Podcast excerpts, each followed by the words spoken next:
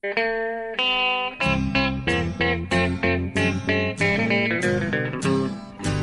out there, we're on the air. It's hockey night tonight. Tension grows, the whistle blows, and the puck goes down the ice. The goalie jumps and the players bump, and the fans all go insane. Someone roars, Bobby scores at the good old hockey game.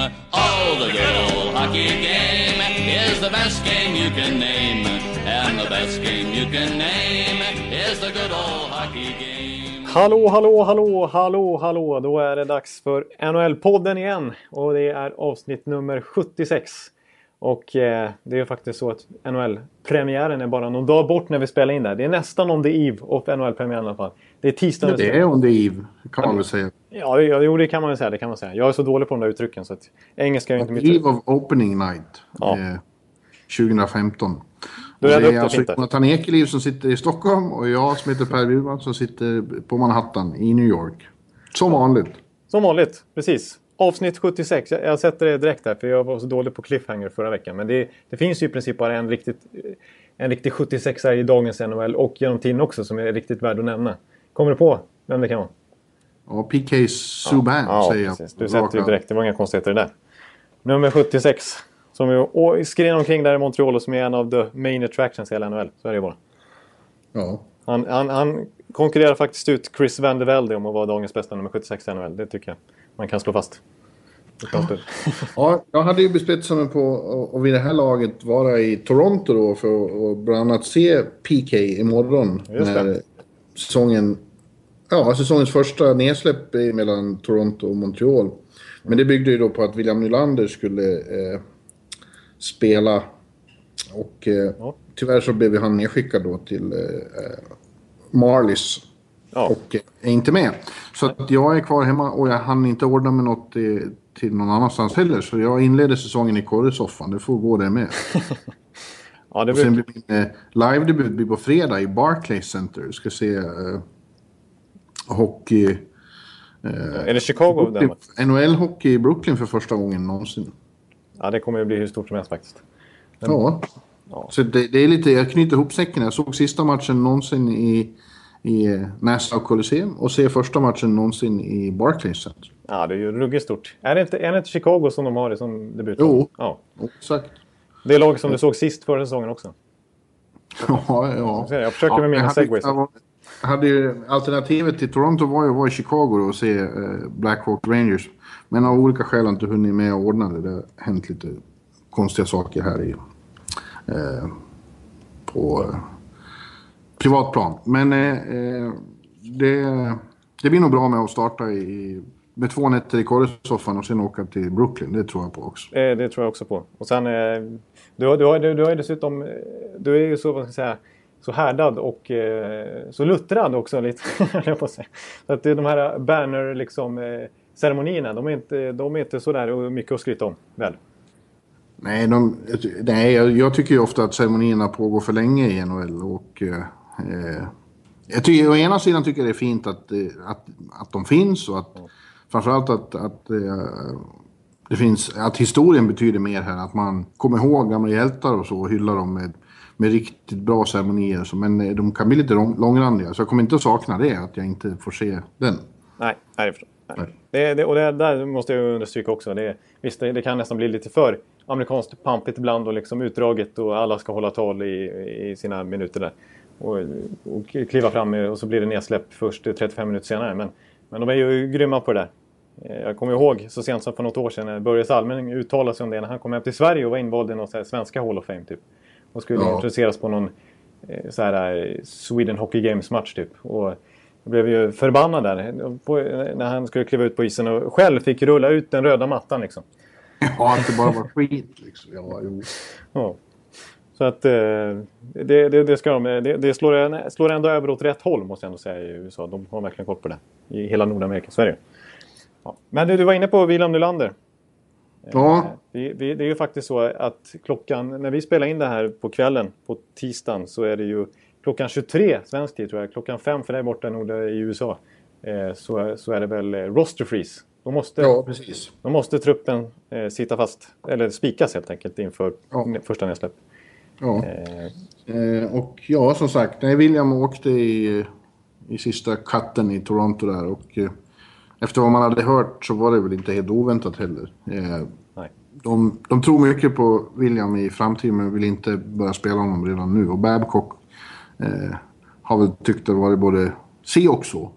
Ja, jo det har man ju förstått. Och hobby general manager eh, i, vi har i Örby här, han tycker att, eh, att det var rätt beslut också. Redan på förhand. Det kändes som att... Varför det? Nej, men- vad, vad har Örby Tarzan för eh, grund för att påstå det? Nej, men jag, jag hävdar ju det här med att, eh, att man, man nödvändigtvis inte behöver rusha in sina, sina unga eh, talanger för tidigt. Och nu visst, är de tillräckligt bra så, så är det klart, då ska de spela på den högsta nivån. Då, varför ska man hålla på och, och fjanta sig lite grann då?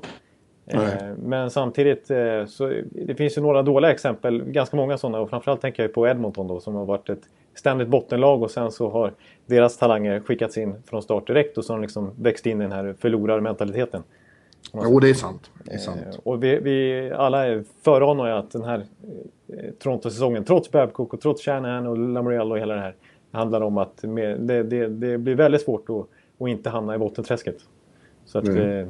eh, eh, får Nylander istället spela liksom, eh, toppminuter i AHL och vara första center där och spela powerplay hela tiden och vara uppe på 20 minuter per match. Så eh, borde det vara mer utvecklande. För just så, så, han, är, han är väldigt bra redan nu Nylander men han kanske inte är någon given eh, bättre alternativ än Kadri eller Bozak som toppcenter i, i Toronto i dagsläget ändå. Så att, eh, jag, jag tror ändå att det är bättre för Nylanders utveckling där. Måste jag säga. Vi får se.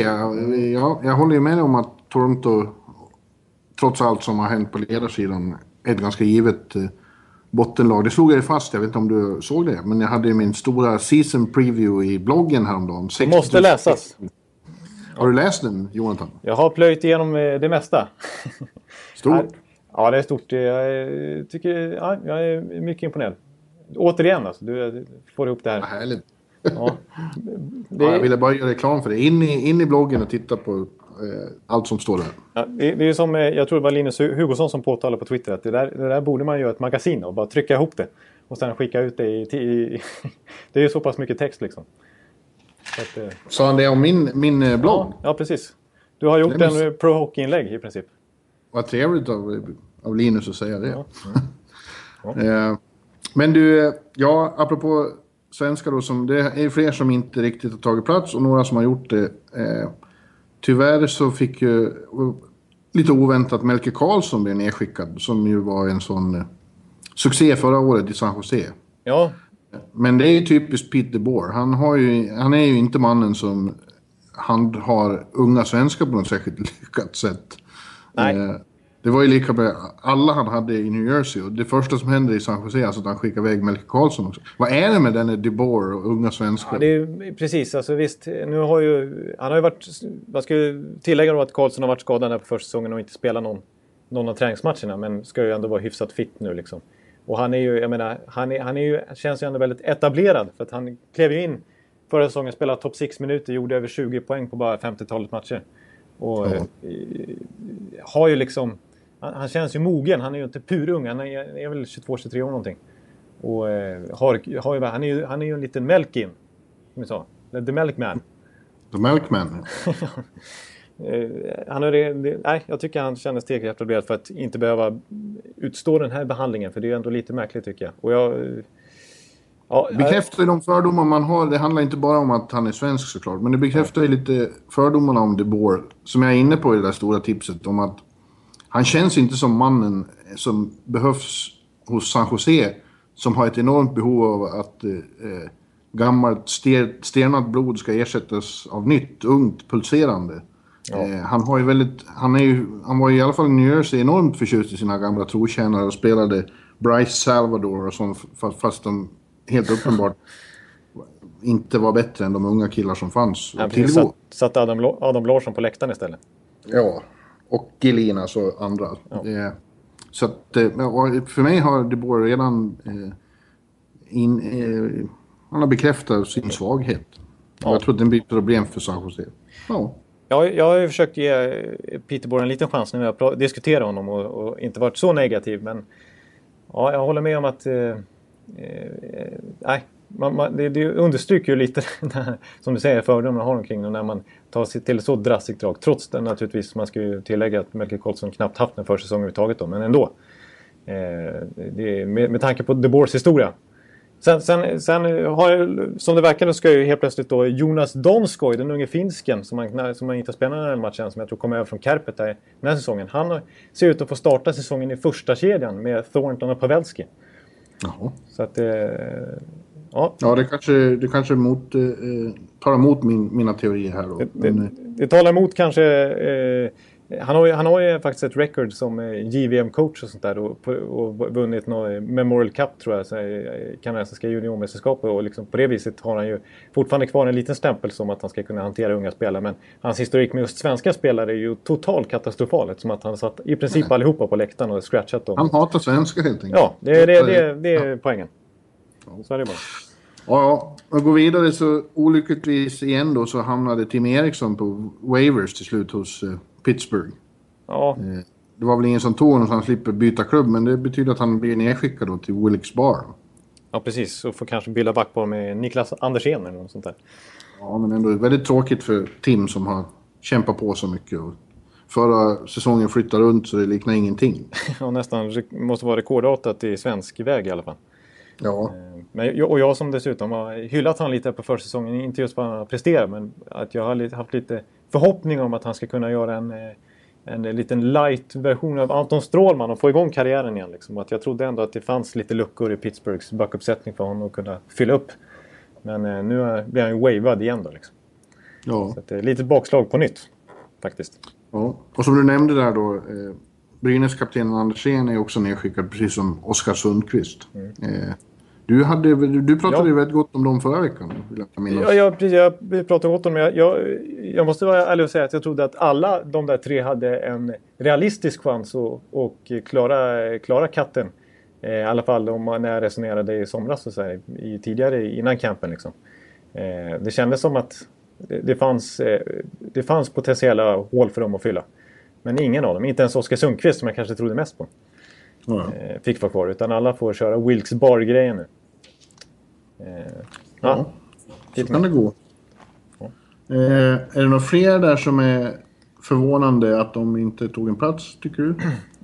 Ja, förvånande och förvånande. Järvi fick ju, ja. vart ju wavad igen då. Eh, tråkigt för honom. Precis, Per Järvi som ju faktiskt skrev ett envägskontrakt med St. Louis. Vilket ju tyder på att eh, de hade lite förtroende ändå. Men så blir han nu på campen blir han ju faktiskt utkonkurrerad av en tryout-spelare i Scottie Upshall. Som tog den platsen istället för kvar. Det är just Scottie Upshall för övrigt den här anledningen till att jag imiterade en spansk kommentator för, för några veckor sedan. El tiempo se acabó, quedan dos segundos, regresa Abshal, regresa Abshal, entra posibilidad, Abshal, entra Abshal, el gol, Abshal, el gol, el gol! ¡Gol!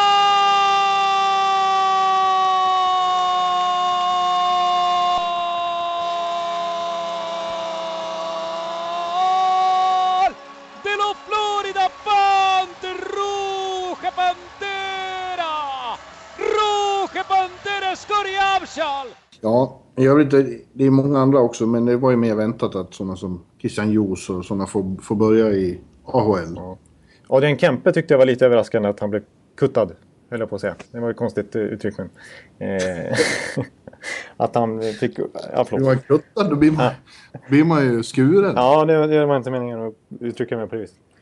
Olyckligt, återigen. Här. Eh, ja. Men eh, att han blev nedskickad så tidigt, det var väl redan i den, runt 24-25 september nästan känns det som. Det var ett tag sedan i alla fall. Eh. Han var inte med i, i the final decisions i alla fall. Eh, däremot, han känns han kommer att få en chans. Ja, precis. Det tror jag faktiskt. Och så som han imponerade när de vann Calder Cup här för, förra säsongen så känns det som att eh, han är inte så långt ifrån en NHL-plats. Utan han, han kommer få en topproll i AHL-laget nu. Och flera av deras tidigare AHL-spelare har blivit befordrade nu. Så vi har ju Wheel och Shore och hela det där gänget uppe i, i eh, LAs NHL-trupp nu tror jag. Mm. Men eh, det, var ju, det är några svenskar som faktiskt hänger kvar. Eh, ja, det, är några, det finns ju roligare nyheter mm. att, att, prata om. Eh, och framförallt då, det var vi väl inne på redan lite förra veckan också, att eh, Mattias Janmark då, han tog en plats i, i Dallas ja. trupp. Ja. Ja, det var ju... Hade man, visst, han åkte över med förhoppningen om det som det var uttalat från början att antingen NHL eller tillbaks till Frölunda. Om det skiter sig. Ja. Men eh, man förstår ju till och med på Dallas-fansen och media där borta att det var ingen som hade räknat med, med Janmark i truppen när säsongen började. När man skissade på kedjor och vart sharp och eh, skulle passa in och hur bottom six skulle formeras. Det var ju ingen som hade Janmark med i bilden överhuvudtaget. Och nu, Nej. nu har han gjort en fantastisk försäsong och, och gjort det jättebra ihop med, med de här topp 6-spelarna i flera olika typer av miljöer. Och kan ju spela både vinge och som center och i en lite mer defensiv roll och som en offensiv spelare också. Naturligtvis, som han ju framförallt är. Eh, och det är inte helt omöjligt att han får en, en riktigt betydande roll direkt här, i alla fall i premiären. För att de har ju lite skadeproblem på... Vi får se hur det blir nu. Men både Hemski och, och Jamie Benn till och med och, och eh, Spetsa missar ju någon, tror jag missar sista matchen. Så att det, vi får se hur, hur det är på skadefronten. Här. Så det kan, han kan gå in i topp 6 direkt här från start. Om du vill se. Ja, roligt. Men jag tycker också om Dallas eh, hållning. Alltså är man bra, det var ju lika med Klingberg förra säsongen. Är man bra så får man chansen oavsett ålder och, och rutin och eh, meritlista. Ja, det, ja precis. Det, det är faktiskt... eh, Ja, det är lite oväntat med tanke på att Lindy Ruff eh, känns ju inte som den där... Han känns lite som den gamla stereotypen som inte... Som kör lite chicken swede... Ja, Men, men det, det stämmer ju inte alls. Utan, eh, och Jim Nill är en bra general manager tror jag. Väldigt bra. ja. Snacka om bra, bra trade här med Jan Mark då eftersom de flippade Eric Cole och fick eh, Jan Mark och Mattias Bäckman. Eh, att, eh, och Eric Cole som ser ut att tvingas lägga av i princip. Så att, eh, succé-trade. Av Nill igen. Ja, det ska bli jävligt roligt att följa Dallas överhuvudtaget. De har ju, det har vi ju varit inne på. Eh, det, det kan man läsa i ditt tips också. Ja, dels intressanta, dels intressanta eh, svenskar, men överhuvudtaget laget. De är, ja, ja, ja, jag skriver ju det där att de påminner inte så lite om Tampa. Nej. Nej, det, det är, de står för den, den moderna fartfyllda hockeyn. Som Ja. jag konstaterar är den mest väg, vägvinnande i dagens NHL faktiskt. Så att, eh, Sen har vi då i, i Nashville, samma division då, så tog ju också, eh, verkar det väl som ändå, Arvidsson en plats till slut. ja, precis. Han, det, det verkar ju nästan spikat tror jag. Eh, Ja. att, han, att han gör det. Och, och till och med har de ju redan börjat liksom mer eller mindre bekräfta vilka kedjor som ska inleda premiären. Och då, då är Arvidsson ytter i tredje kedjan med Cody Hodgson som center och så får Järnkrok spela ytter. Ja, Eh, Arvidsson, Hodgson, Järnkrok. Och eh, Laviolette har ju sagt här på försäsongen att eh, den kedja som Viktor Arvidsson har varit i, den har nästan varit bäst på, på isen i, i samtliga matcher. Alltså, i alla fall varit en väldigt bra kedja. Oavsett var han har placerat så har han liksom bidragit med sin fart och liksom fått igång de, sina medspelare på ett, på ett sätt som liksom verkligen ger spritt energi. För det är ju en riktig energispelare, Arvidsson. Det finns ju få. Han kommer ju tillhöra en av NHLs snabbaste spelare när han kommer upp. Han är ju lite, lite Jesper fast på något sätt. Ja. Lite ganska kort i växten men, men klarar sig ändå bra med sitt, sin attityd och sitt, eh, sin energi och sitt, sin skridskoåkning. Eh, sköt faktiskt mest skott av alla spelare i hela AHL förra säsongen. ja. Eh, Trots att han inte gjorde... spännande. Det känns som det kan vara ett oväntat genombrott på gång där. Ja precis, för det är ju, det är, det är ju ingen som snackar om Viktor Arvidsson. Nästan ens på hemmaplan här. Han är ju lite bortglömd. Ja, som vi svenskar tenderar och Det känns som många blir bortglömda så fort de lämnar Sverige så, ja, så De är heta när de blir draftade och sen om de inte blir stjärnor på en gång så är det som att Sverige tappar intresset. Jag har aldrig riktigt förstått det där. Man får nästan påminna folk hemma om den och den. Ja, just det. Ja, just det. Ja. Ja. Du, vi har en eh, back också som eh, till slut tog en plats. En, eh, en favorit här i, i podden. Viktor Svedberg tog en plats i Chicago till slut. Ja, det, det måste jag säga att det var ju också en skräll. Det, det, när vi, när vi eh, har diskuterat Chicago, dels i, i somras, vår avslutning där. Framförallt kanske och även nu lite inför. Det känns som att vi inte... Visst, vi kanske har nämnt Svedberg, men vi har inte nämnt honom som en... eh, En, en, en, en back som ska ta, faktiskt eh, få speltid och ta plats i laget från start. Nej. Nu ser det ut som att den 2,05 cm långa eh, bjässen från Göteborg ska göra det. Ja, och jag såg att Quenville hade uttalat sig på, eh, från campen att han hade tagit stora steg och, och, och verkligen lyssnat på, på de råd han har fått om hur han ska spela och, och, och ta, förstår bättre systemet och så. Och gjort starka intryck under kampen. Väldigt kul för han är ju en eh, profil. på många sätt. Han är väldigt rolig att ha att göra med också. Ja. En trevlig fyr. Ja, ja precis. Och som, som vi konstaterade att det är den första man känner igen på isen om, när de Ja. skinnar runt där i, allihopa i sina rödtröjor. På Ja. morgonvärmningen liksom. Det är en spelare som är huvudet högre än alla andra. Nu är, väl, nu, är väl, nu är det väl så att han är förmodligen är sjunde back ett tag va? Ja, de har ju lite backar kvar där. Det, är ju, det känns ju som att eh, Daley, Keith, Seabrook och Hjalmarsson är ju naturligtvis topp fyra där. Sen har de ju, och så Trevor Van Riemsdyk. De känns ju givna. Sen är det Har Rosevall, de- Rundblad och Svedberg. Ja. Ja. Med. Men eh, ja, han är i alla fall med i truppen. Roligt. Ja, och han kommer få sina chanser här. Så är det bara. Ja, sen har det hänt roliga saker på målvaktsfronten för svensk del också. Till att börja med så eh, tog ju faktiskt Jonas Gustafsson eh, och fick ett kontrakt. Han har varit på tryout i Boston och till slut så, så fick han kontrakt och blir nu backup åt eh, Tokarask. Det är väldigt roligt för Jonas. Jag måste säga att jag ändå är lite förvånad med tanke på hur förra säsongen artade sig där. Eh, när han blev av. Han, han, han på något sätt hamnade lite utanför Detroit där när Peter Mrazek kom upp och duellerade med Jimmy Howard. Och, eh, han blev lite tredje hjulet på målvaktssidan i, i Detroit och han hade så mycket skador. Och det kändes nästan som att Jonas Gustafssons NHL-karriär höll på att ta slut. Men så får han den här chansen i, i Boston och, och tar den verkligen. Vilka, vilka veckor han har haft. Eh, börjar med att hålla nollan i debuten gjorde han väl och sen blir han dessutom, han får ju en dotter och blir pappa. Eh, och sen så nu så belönas han alltså med ett NHL-kontrakt. Så det är bara hatten av. Ja, bra, några bra veckor här. Men jag, jag, jag är imponerad av det där. Eh, jag tror att det är en ganska svår situation när man eh, verkligen är angelägen om att få vara kvar här och vill spela i NHL och måste gå igenom eh, tryout. Eh, men han tog verkligen chansen när han fick den och jag, jag applåderar detta. Ja, jag applåderar också. Verkligen. Alltså det, för det, det är svårt, framförallt som målvakt, att komma in på, liksom på tryout. Det är väldigt få som lyckas med det. Och även, även tycker jag eh, överhuvudtaget ganska få tryout-spelare som, som ändå är etablerade namn, som ändå inte lyckas och som blir, nu ska jag inte säga kuttade, förlåt, som blir, som blir bortvalda rätt snabbt. Alltså jag menar sådana namn som Curtis Glencross och eh, vi har fler exempel. Eh, nu kommer jag inte på något just nu, men det är ju, ja, Derek Roy till exempel. Tyler Kennedy Ja, och så här, som inte, inte får något... fick kontrakt. Nej, men som ändå bara för något år sedan såg som superetablerade NHL-spelare och givna i en andra eller tredje kedja. Och nu är de inte önskvärda överhuvudtaget. Eh, Men Jonas, Jonas eh, har verkligen förtjänat den här platsen och, och jag menar... Eh, jag, när Svedberg försvann från Boston förra året kändes det som att det kanske var dags för Malcolm Subban att bli andra keeper där. Eh, att, att, eh, jag trodde inte att det skulle komma en annan svensk och ta den platsen. Eh, och vinna den duellen som han faktiskt har gjort på campen. För det har varit eh, riktigt sån campduell i Boston. Ja, nej, men roligt. Och eh, i Edmonton också så fick ju faktiskt eh, Anders Nilsson kontrakt och blir backup åt eh, Cam Talbot. Eh, De eh, wavar den etablerade Ben Scrivens. Ja, och där måste jag vara ärlig och säga att eh, där trodde jag också...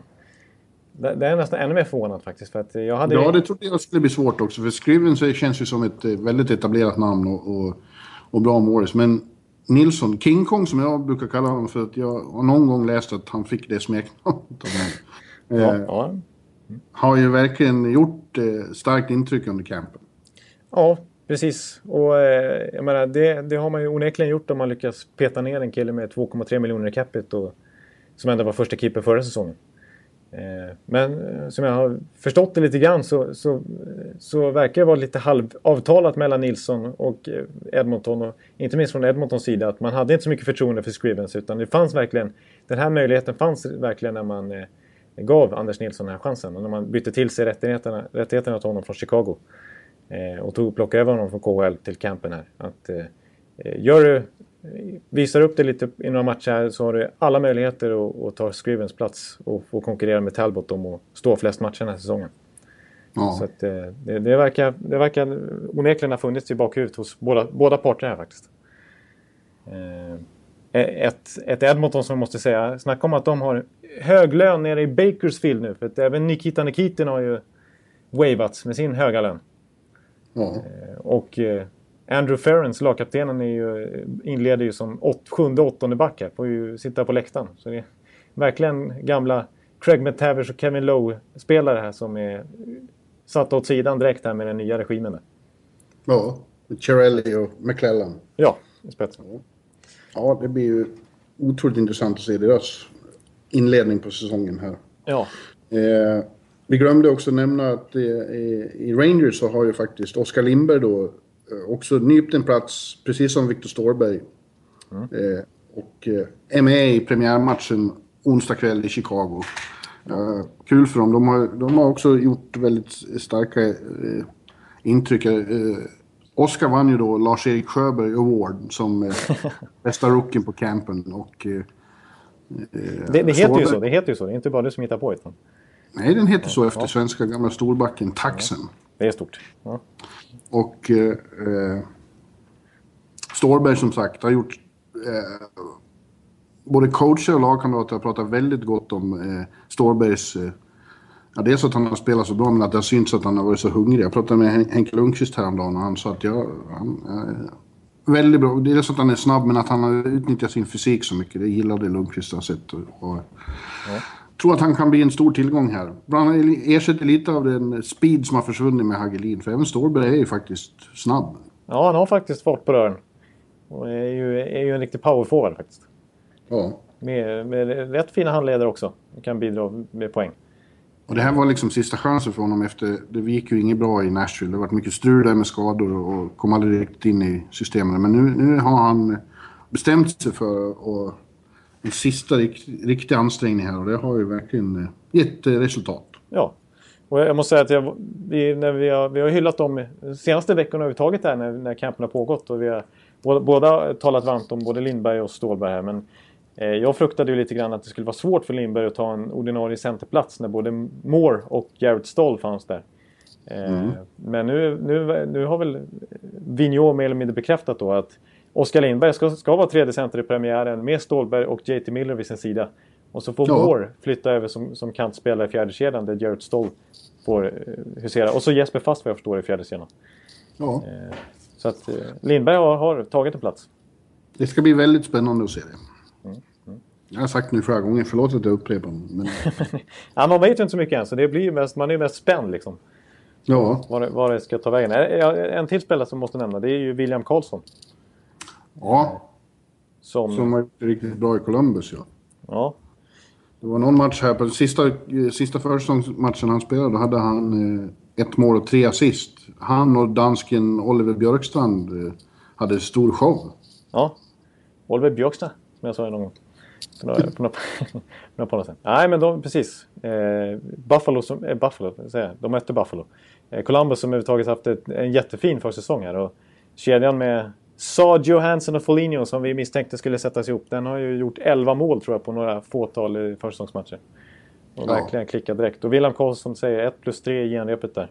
Och egentligen kanske man inte ska... Där, där känner man också lite, lite bortglömd och lite överraskad sådär som med Viktor Arvidsson. Eh, en, eh, absolut en superetablerad kille i, i SHL direkt. Han, jag tror han blev årets rookie när han kom upp faktiskt i H71. Och han var väl assisterande lagkapten till och med någon säsong innan han åkte över. Och har gjort det bra i AHL också. Så det Ja, han hann göra det bra i Anaheim innan han var tradad till Columbus. Exakt, han gjorde väl... Innan fjolårssäsongen gjorde han ju flera mål. Jag, min, jag minns att jag intervjuade honom och så. Just det. Till och med mot just Buffalo har jag för mig att han gjorde någon kasse tidigt i, i sin tidigt på, på hösten förra säsongen. Ja. ja, ja, well, de... They're in, som eh, John Tortorella sa igår i NHL-studion. De satt och gick igenom Eastern Conference. Tortorella är expert på TV nu. Ja, vad, vad säger du? Jag såg att det twittrades en hel del om det. Vad, gjorde han bra ifrån sig eller? Ja, han, han var sig lik. Han eh, trodde att Columbus skulle... Men framförallt varnade han för Boston som han tycker är väldigt underskattad av alla. Han trodde att de kommer att bli en succé i år. En succé i år alltså? Ja. Och, och vi som har varit så... Eh... En frisk eh, crazy och så. Ja, ja okej. Ja, annars känns det som att eh, Don Sweeney och John Tortorella är ungefär lika oberäkneliga. Och lika ja, sten, är, stenhårda. Han är ju från Boston, tårtan, så det är väl därför han sitter och, ja, och hyllar honom. Nej, men det, det, var rätt roligt. Och han... Eh, lite elak kan han vara också när han pratade om Montreal som han inte trodde på alls. Och sa att Eh, han tyckte inte alls om traderna de har gjort. Eh, Cassian och Simmons, they have no, they have, they don't have a clue about the team concept, sa han. Oj! Han Och då har han ändå haft Cassian i Vancouver. Ja, just det. Just det ja, ja där, där får han väl lite vatten på sig kvar i alla fall med tanke på vad Cashen har, har hållit på med senaste dagarna. Eh, och ja, ska ju varit... Passa, med någon bilolycka ja, och sen nu är han... Och det var kokain och grejer, eller hur? ja, det är väl inte helt uttalat än, men det verkar ju vara åt det hållet. Han, eh, föraren ska ju ha varit... Det är, det är väl inte bekräftat heller, men det, det verkar ha varit droger eller alkohol åtminstone med i bilden. Ja, han är satt på något sånt... Eh, eh, substance abuse program. Ja, precis.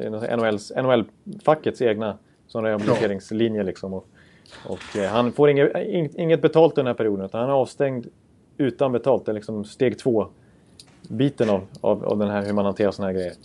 Och eh, på obestämd tid. Tills eh, han, eh, vad ska man säga, inom citation, citationstecken friskförklaras. Och får, får spela igen. Och det här är ju en, en det är som du säger, det är, det är en trade som har gjorts i sommar mot Brandon Prusten som, som, som vi var lite skeptiska till redan då. För vi tycker väl, håller väl Brandon Prust lite högre till än vad vi gör Zach Cashian. Ja, det gör vi. Även om Cashian är lite yngre och sådär så, så är ju Brand, Brandon Prust en riktig lagspelare och omklädningsrumsgigant. Ju. Ja.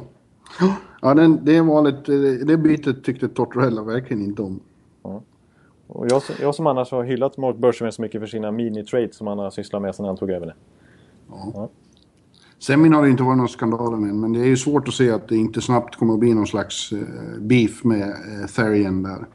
Ja. Med den märkliga Semin. Det, precis, det känns som två riktiga ytterligheter vad gäller hur synen på hockey och livet. Ja. Ja.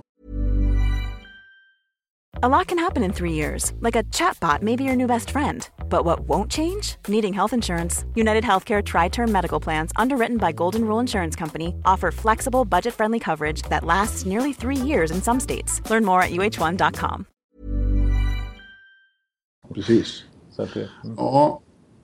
Men du, sen sist vi talade så har det ju hänt, det är inte det enda som har hänt. Vi hade vår gamla vän Raffi Torres eh, som i en träningsmatch sänkte Jakob Silverberg med en ful armbåge. Ja, Och eh, fick eh, rekordavstängningen 40, 41 matcher, halva säsongen. Ja, ja, det var ju... Där måste jag säga att jag blev otroligt positivt överraskad. Eh, Ja, jag med. Men grejen är ju att Raffi Torres har varit avstängd nio gånger förut. ja, ja, precis. Inklusive väldigt långa avstängningar för fula, fula grejer. Och det är ju helt uppenbart att människan i... Det går inte fram budskapet, helt uppenbart. Nej. Han, han måste vara lite korkad helt enkelt. ja, det måste han faktiskt vara. För att det var ju, det var ju, det är ju, man gillar ju verkligen de här äh, små snuttarna de visar upp. Eh, player Safety Department där.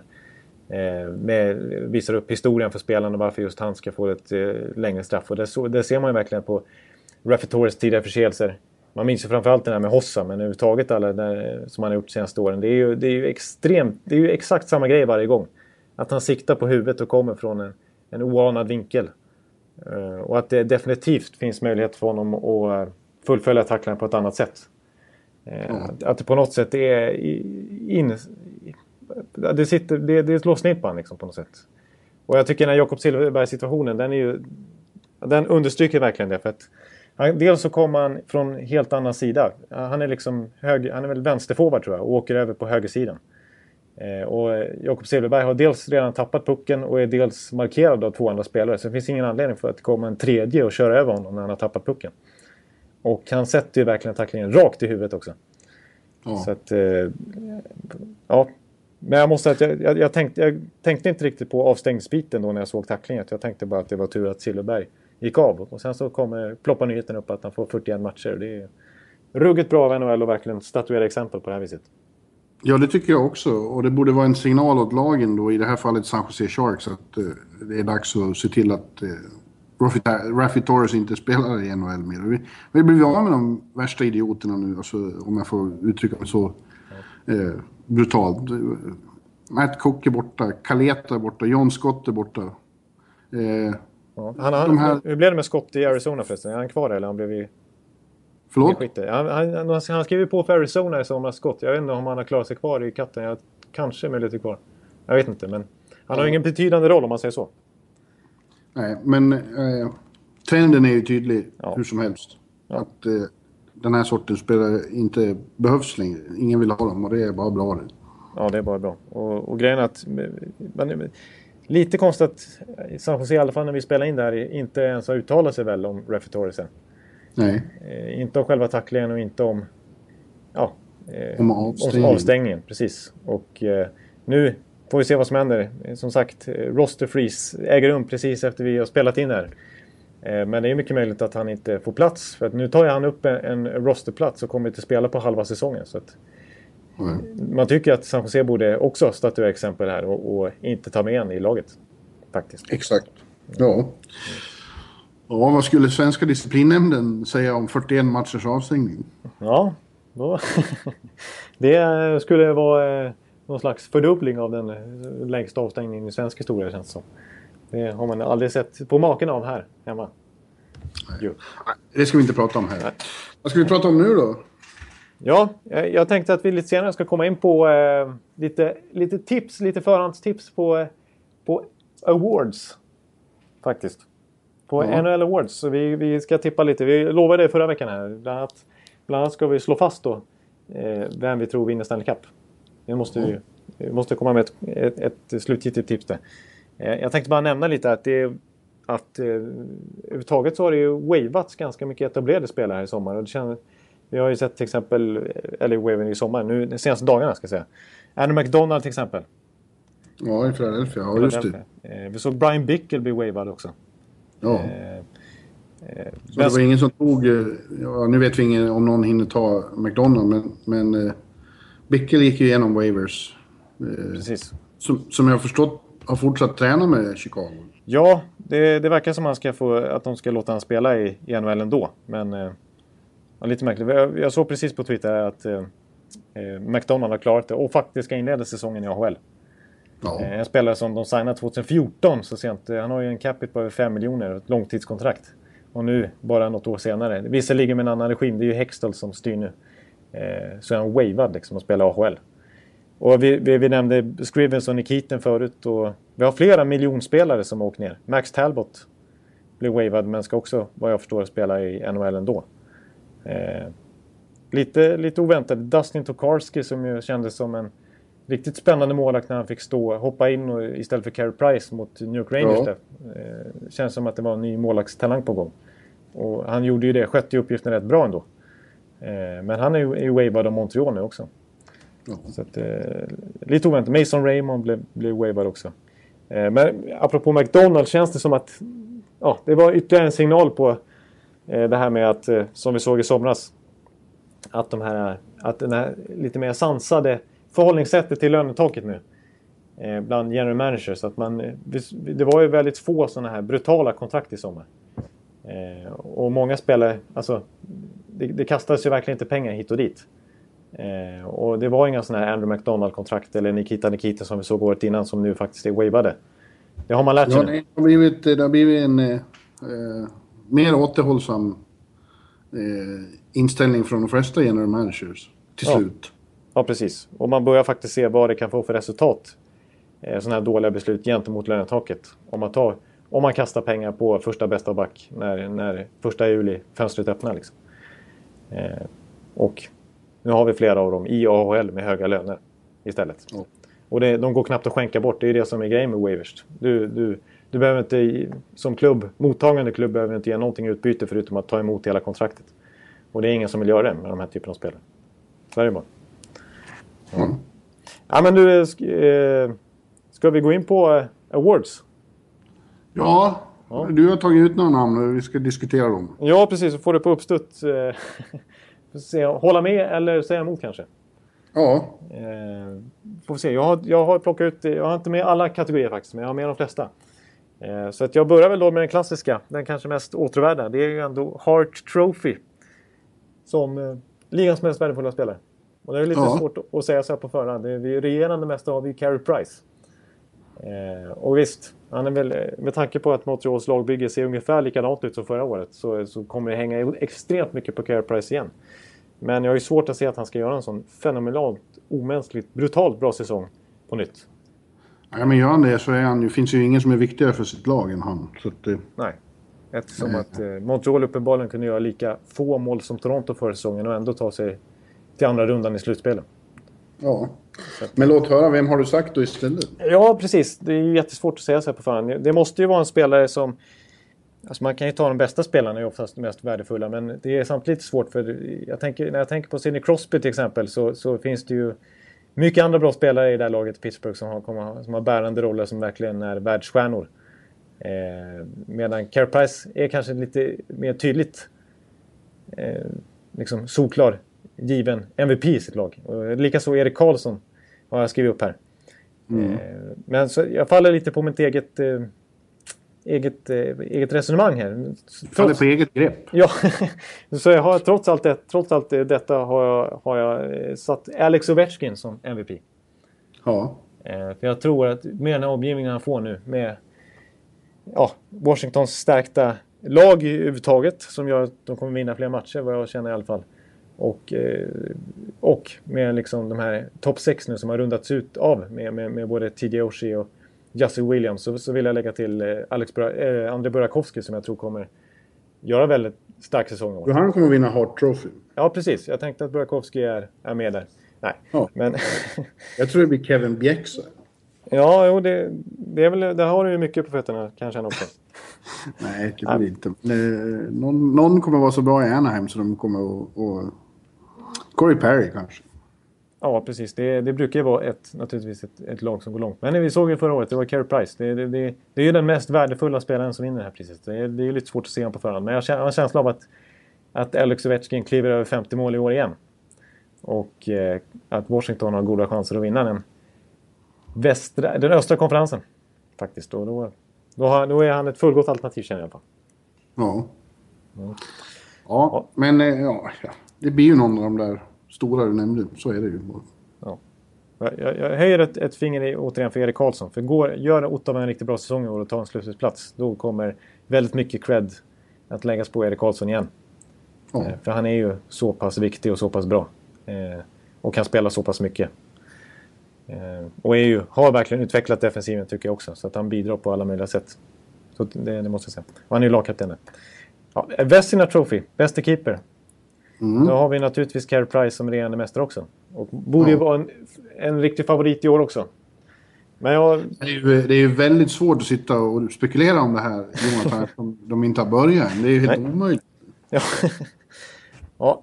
Eh, men jag, jag, jag har sagt ett namn i alla fall. Jag, jag tror ju på Braden Hope i år igen.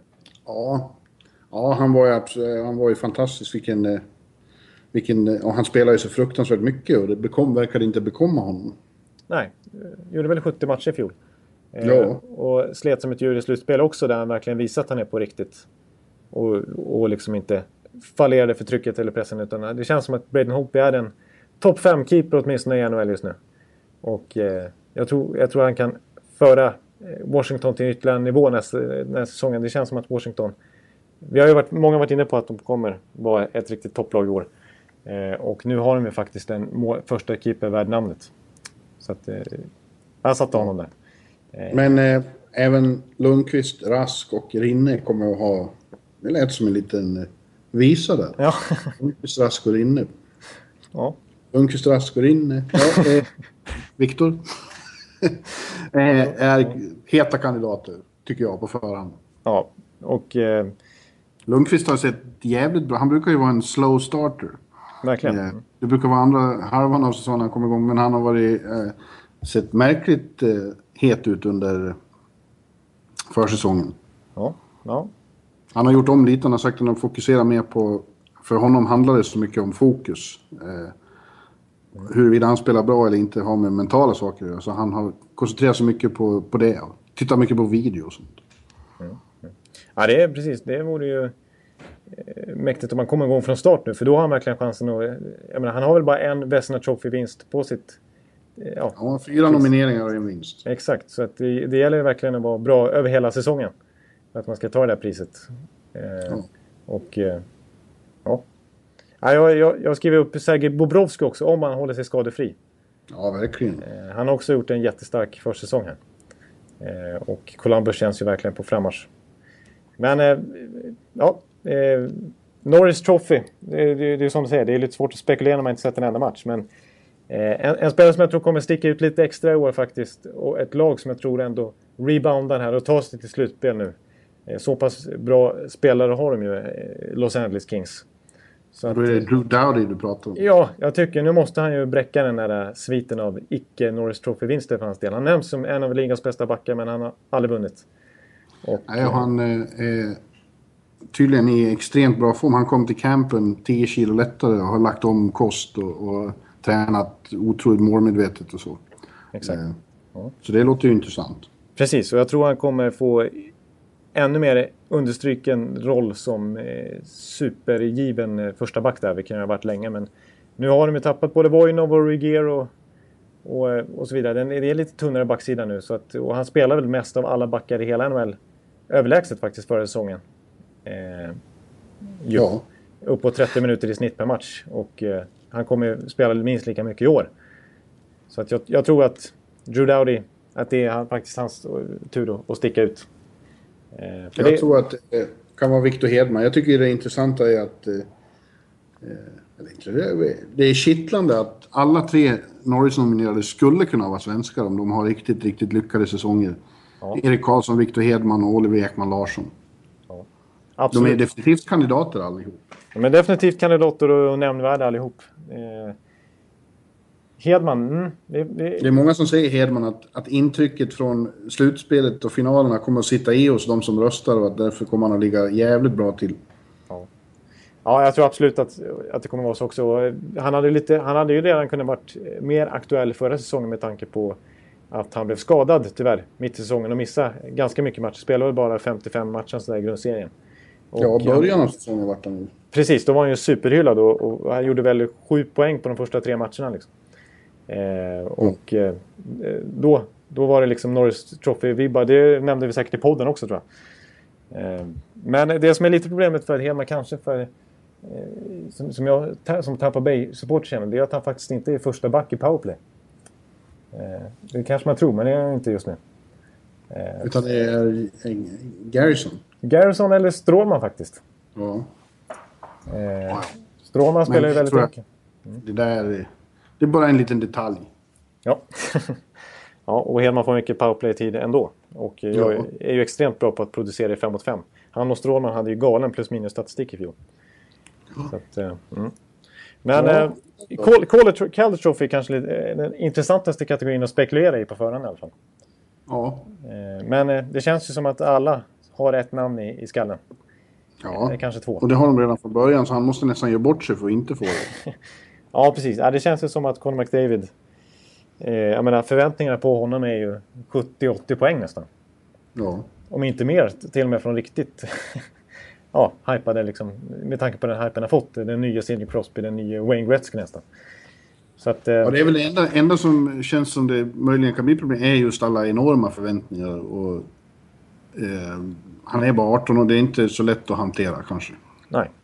Och vi ska säga att det är ju hyfsade namn han får slåss med i år, så här på förhand känns det som i alla fall. Jag menar Jack Eichel eh, mm. beskrevs ju inför draften av, av vissa liksom, scouter så här, som mer NHL, NHL-redo. Liksom. Och har också ja. sett väldigt bra ut på campen för Buffalo. Och kommer li, liksom Conor McDavid få en betydande ledande roll direkt och mycket speltid i, i viktiga spelformer. Artemi Panarin kommer ju räknas som, som rookie han med. Och är ju en given topp 6-spelare i Chicago redan nu och spelar powerplay. Och vi såg ju, ja, kanske flera av er sett det här klippet när, mot Dallas försäsongsmatchen när han eh, visar rena Datsjuk-takter med klubban.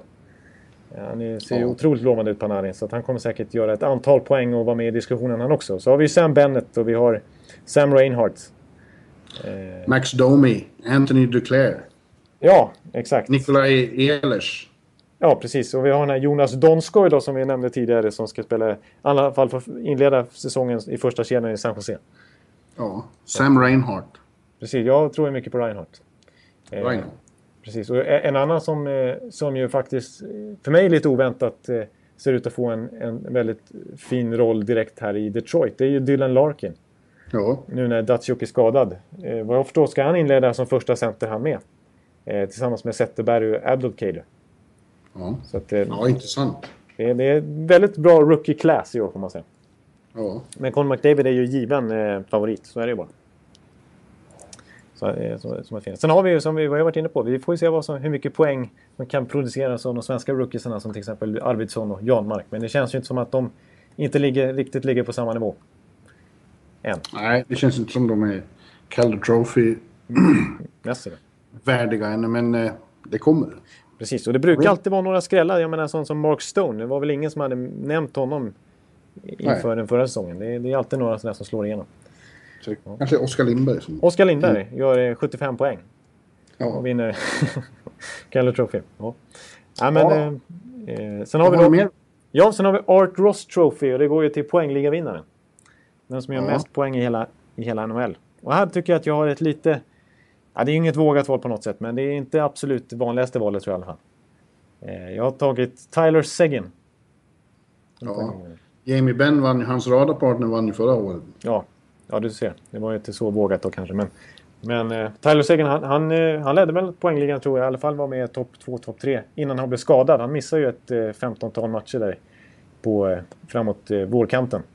Och han låg ju före Ben i poängproduktionen då. Eh, och jag måste säga att ah, jag tycker, jag tycker, jag, jag tycker Tyler Seguin, shit vilket steg han har tagit i Dallas. Och bara ännu mer sen, sen, eh, sen han slog igenom där på allvar direkt efter traden liksom. Ja, jag tycker han har så sjukt bra, eh, alltså verkligen målnäsa. Det är nästan Ovechkin-klass tycker jag på hans skott. Eh, han har inte det här slagskottet på samma sätt, men hans eh, förmåga att liksom verkligen bara trycka upp pucken i nättaket från alla möjliga vinklar och vrår. Och han är ju dessutom en playmaker liksom.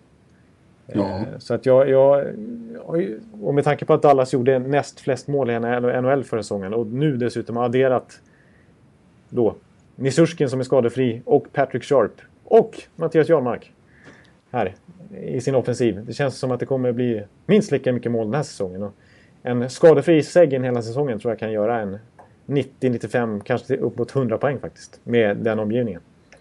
Och riktig powerplay-specialist och grym i kontringar och så, här, så att jag tror på Tyler. Ja. ja, eh, du vet vilka andra som finns där som kommer Mm. utmana. Ja, vad gäller just mål då, för du har kanske eh, Rocket. Eh, Richard också. Ja. har du tagit med det också? Jag tror det också. Mm.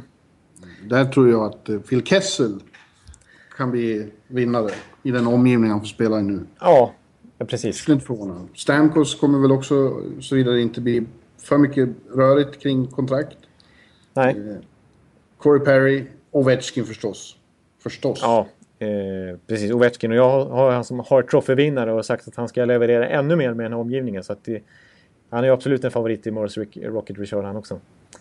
Eh, en som jag vill lägga till i poäng, poängracet där som jag tror kommer göra en 85-90 poäng, alltså över en poäng per match den här säsongen. Det är Ryan Johansson också.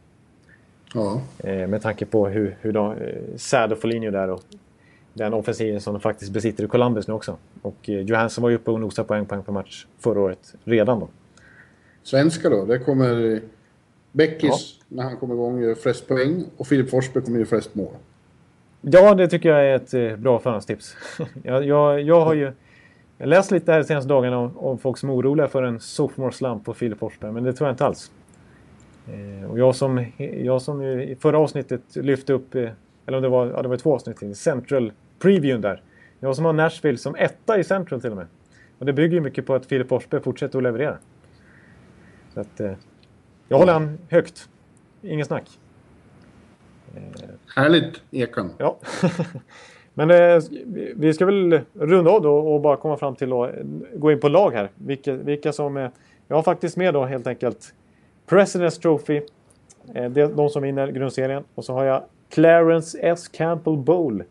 För det lag som går till final i den västra konferensen. Och Prince of Wales Trophy. Laget som går till final i- från den östra konferensen. Och Stanley Ja. Cup. Och Stanley Cup. Och jag har ju redan avslöjat i blogg och stå vad jag tror. Jag tror att... Eh, eh, ja, President's Trophy har jag inte funderat så mycket på, men det säger jag Anaheim då. Och, och sen vinner de konferensfinalen mot Dallas och eh, vinner Stanley Cup mot Pittsburgh. Ett Pittsburgh som har slagit ut Tampa i konferensfinalen i öst.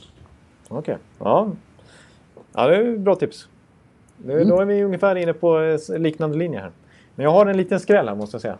Mot, mot vad de flesta tippar tror jag. Eh, jag har, som Presidents Trophy-vinnare då har jag då Pittsburgh. Mm. Jag tror ändå i grundserien brukar ju Pittsburgh vara bra. Och med den här extrema offensiven de har. Eh, så, så, som jag var inne på i previewn där, att jag tror de kommer vinna mycket matcher med 6-4 och 7-3. Så även om de har lite läckande defensivt så kommer de kompensera det med så extremt mycket mål framåt. Så jag har faktiskt Pittsburgh som vinnare av, av eh, Presidents. Eh, utmanade av Washington, Tampa och Anaheim framförallt, har jag skrivit. Eh, men det de lag som möts i finalen. Eh, jag var lite intresserad av faktiskt att, att, ha med Chicago där nästan. För att sticka ut lite grann. För jag tycker ändå att Chicago ser så pass bra ut. Att de kan eh, gå långt i år igen. Men jag tar ju Anaheim för det känns som att de är så kompletta och så revanschsugna i år.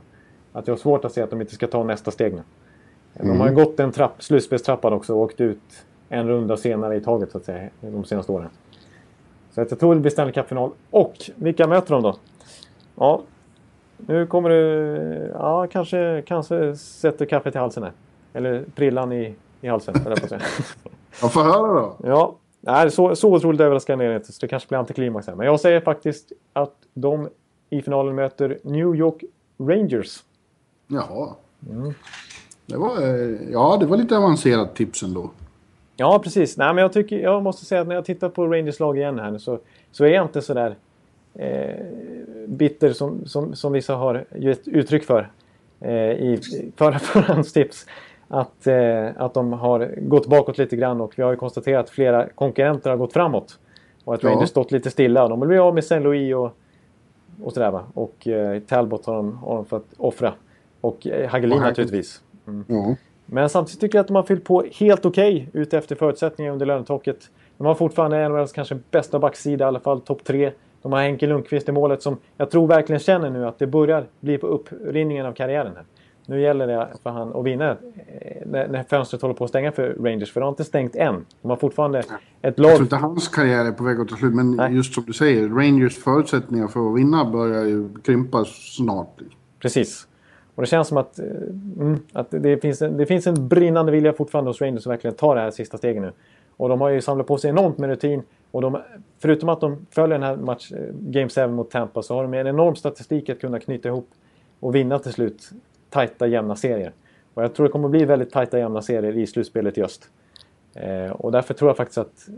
Ja, så känns det som att de kanske inte riktigt har samma förväntningar på sig, trots allt i år. Eh, att de kan komma lite, lite, lite, lite för att vara Rangers i alla fall underifrån.